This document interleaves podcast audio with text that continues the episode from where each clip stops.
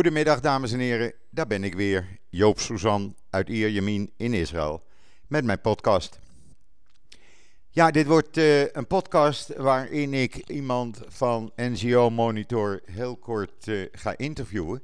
Dat is plotseling gekomen omdat NGO Monitor erachter is gekomen dat de Nederlandse regering aan een andere Palestijnse uh, NGO-organisatie, uh, maar eigenlijk dus ook een terreurgroep, ook geld betaalt.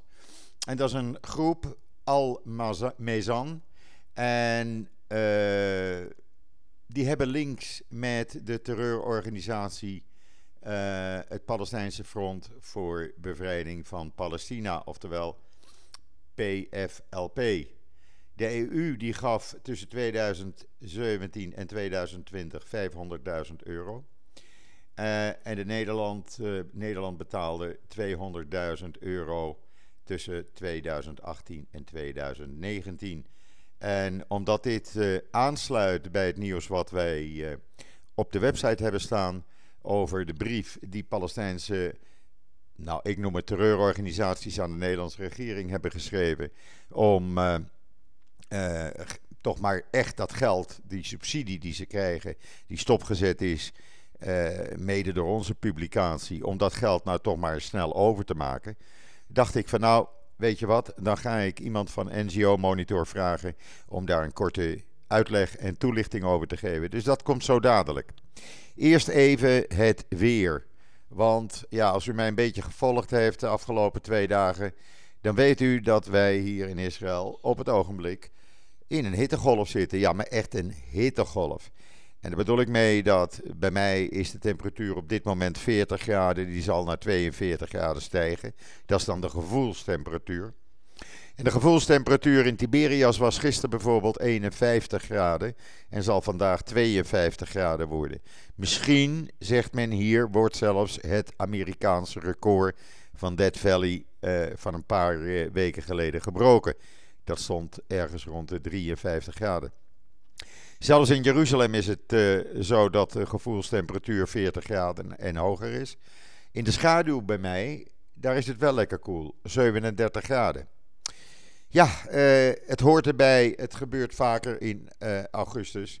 Morgen wordt het wat, wat draagzamer. Dan is die ergste hitte is weg. Maar in het weekend voorspelt men temperaturen voor vrijdag en zaterdag die uitkomen 40 graden of hoger, waardoor de gevoelstemperatuur nog veel hoger ligt. Maar goed, de airco draait en in huis is het lekker en ook in de auto is het natuurlijk lekker. Dus het valt uh, voor jou best uit te houden hoor.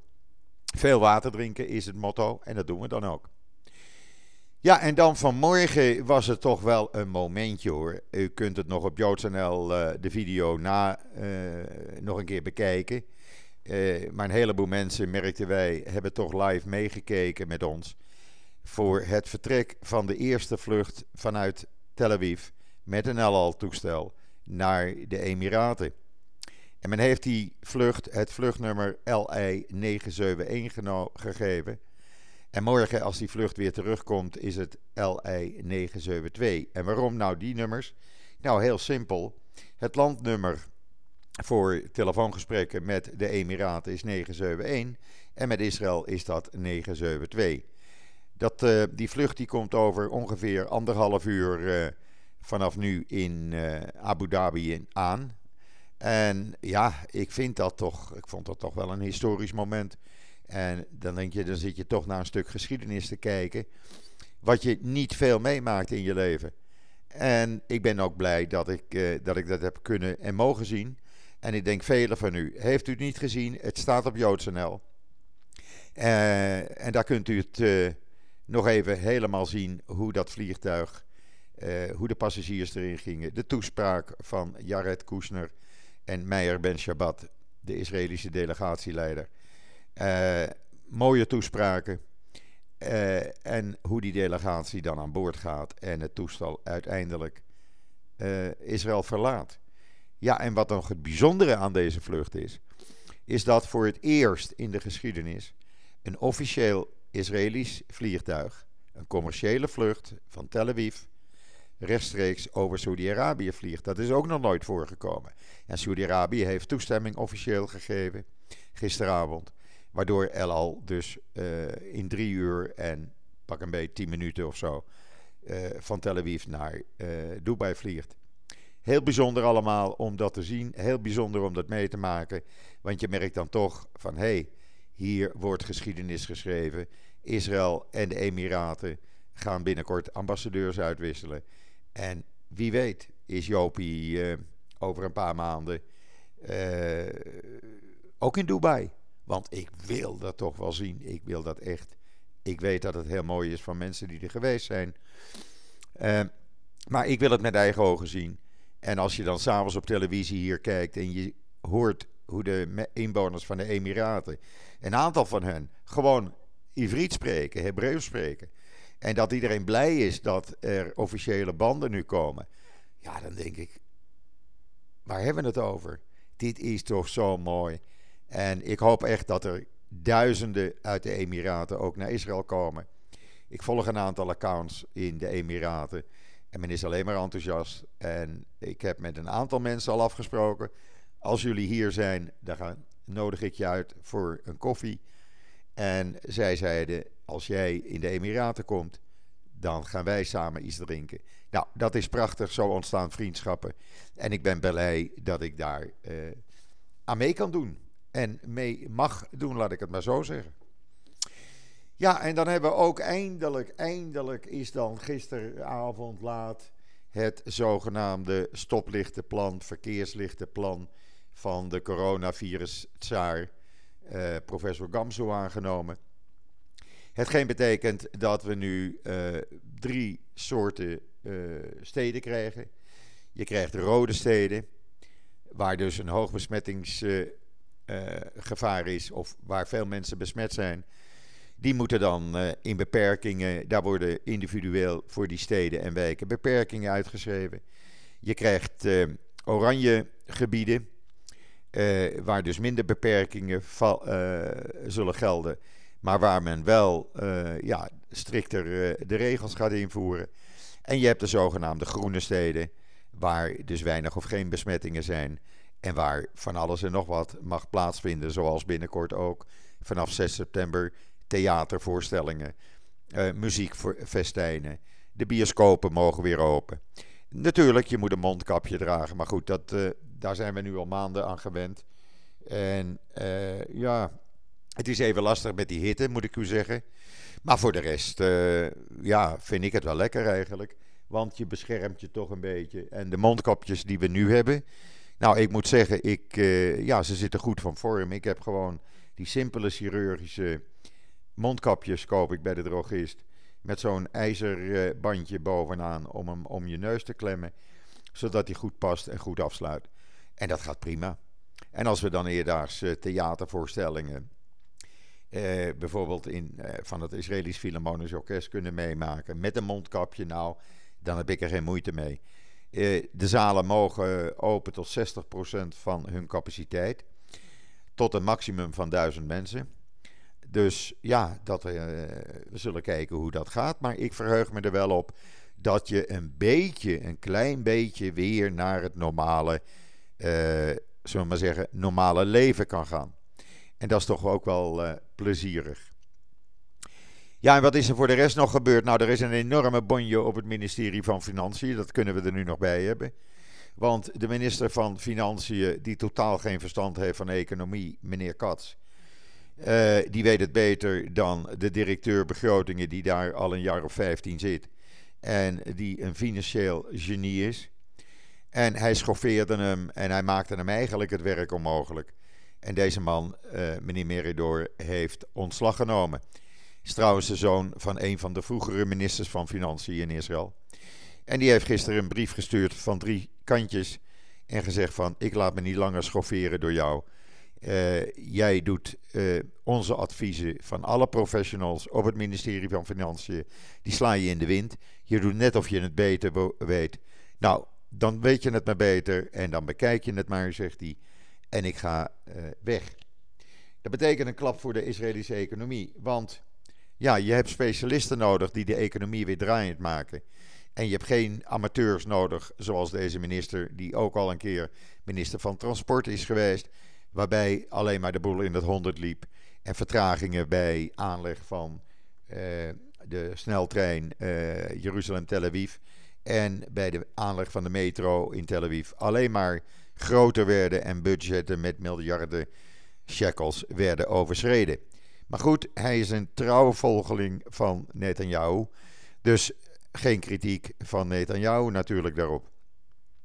Ook binnen de Likud uh, rommelt het, want men heeft, eh, er zijn een tweetal leden nu van de Likud, waaronder Nir Barkat, de voormalig burgemeester van Jeruzalem en een zeer succesvolle internetondernemer, die gezegd hebben: deze man, meneer Katz, moet daar weg, want de economie gaat daardoor naar de knoppen. Nou, er wordt niet geluisterd, dus ja, de narigheid, uh, je ziet het al, de, de shekel daalt ten opzichte van de buitenlandse valuta, omdat er minder vertrouwen is. En dan hadden we afgelopen zaterdagavond natuurlijk de grote demonstratie tegen Netanyahu, voor de elfde keer gehouden. En niet zoals ik uh, in NuNL las uh, voor uh, de achtste keer. En dat er maar 10.000 mensen waren. Nee, er waren 7, ruim 37.000 mensen alleen in Jeruzalem. Omdat men armbandjes heeft uitgedeeld aan iedereen die het gebied, het demonstratiegebied, binnen wilde komen. Want dat is helemaal afgesloten. Er zijn een aantal toegangen waardoor je naar binnen kan. En uh, ja, men telt dus gewoon de armbandjes die uitgegeven zijn. Daarnaast stonden er over het hele land nog eens tienduizenden mensen op bruggen en viaducten. Werd er op pleinen gedemonstreerd.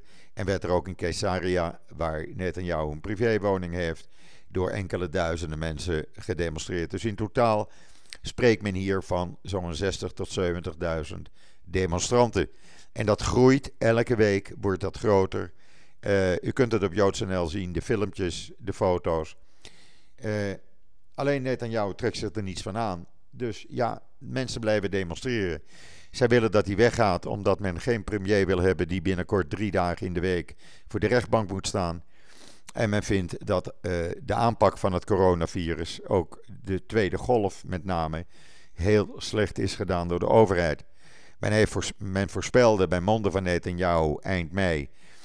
Maken jullie je niet bezorgd tegen de tijd dat de scholen open gaan, zitten we op ongeveer 100 besmettingen per dag. Nou, we zitten nu op een gemiddelde van 1900 tot 2000 besmettingen per dag. En de scholen gaan morgen dinsdag open.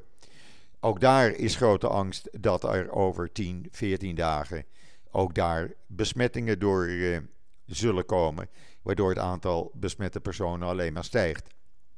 En dat allemaal met de Joodse feestdagen in aantocht, want die beginnen 18 september met Rosh Hashanah. Dus dat wordt, uh, dat wordt een hele toestand. Ik, uh, wij van JoodsNL zullen u op de hoogte houden. En ik zal er ook in mijn podcast regelmatig aandacht aan besteden. En dan ga ik nu even kijken of ik uh, iemand van NGO Monitor aan de lijn kan krijgen. Die zou ik gaan bellen rond deze tijd. En dan gaan wij verder praten over hoe uw belastinggeld voor terreur wordt gebruikt. Dus een seconde geduld alsjeblieft. En dan heb ik nu aan de lijn, dames en heren, Sean uh, Sachs van NGO Monitor.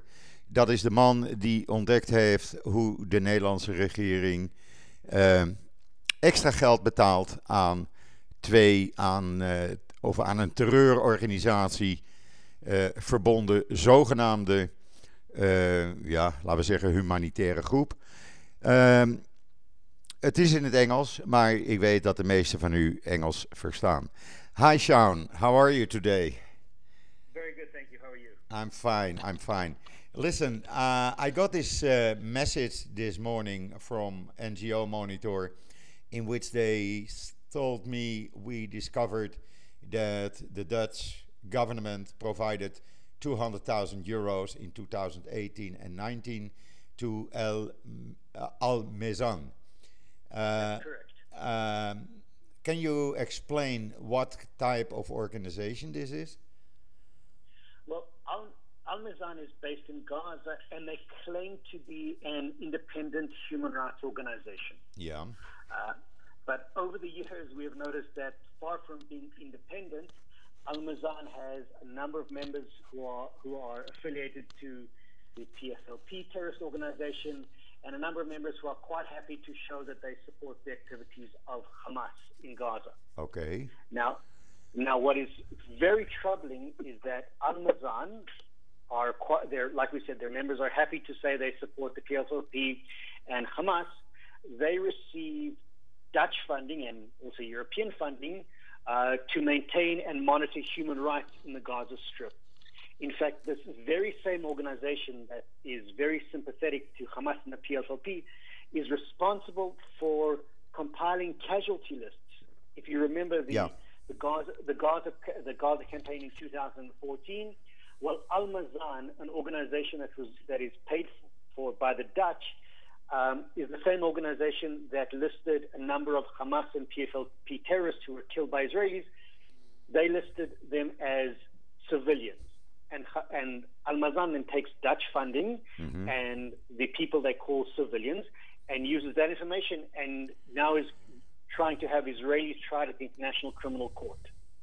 So all of this is done with the benefit of significant Dutch funding. Yes.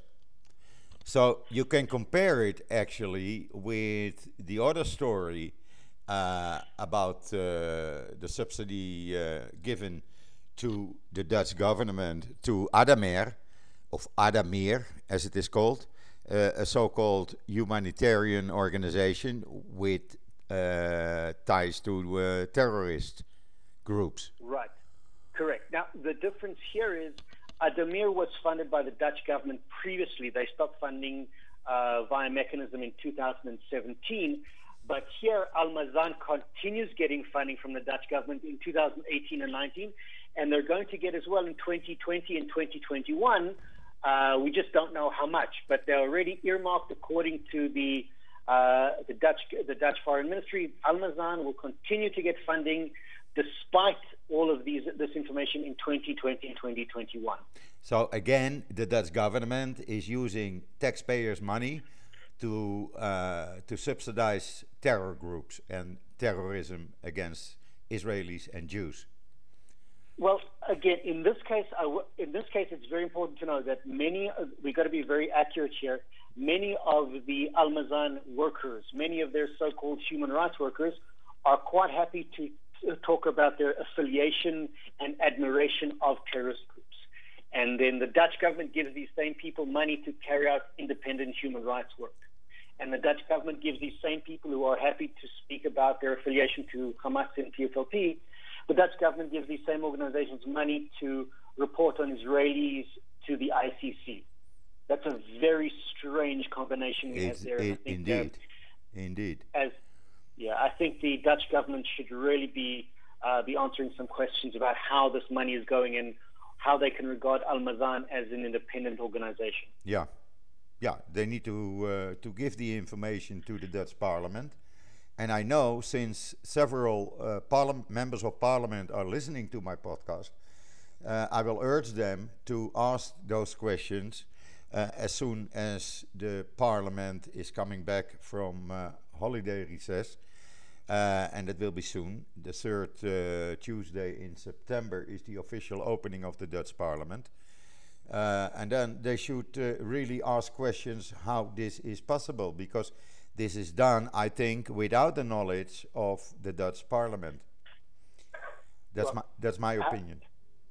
I, I, I hope that they that when um, members of parliament and members of public ask these questions, they get satisfactory answers, um, and they get satisfactory answers very quickly. Unlike when we saw that when the Dutch government finally agreed to stop funding the UAWC, it came well after millions had already been transferred to this organization. Yeah, but the Palestinian organization Adamir, uh, they sent uh, recently a letter to the Dutch uh, government to uh, start with paying them again instead of uh, stopping those payments.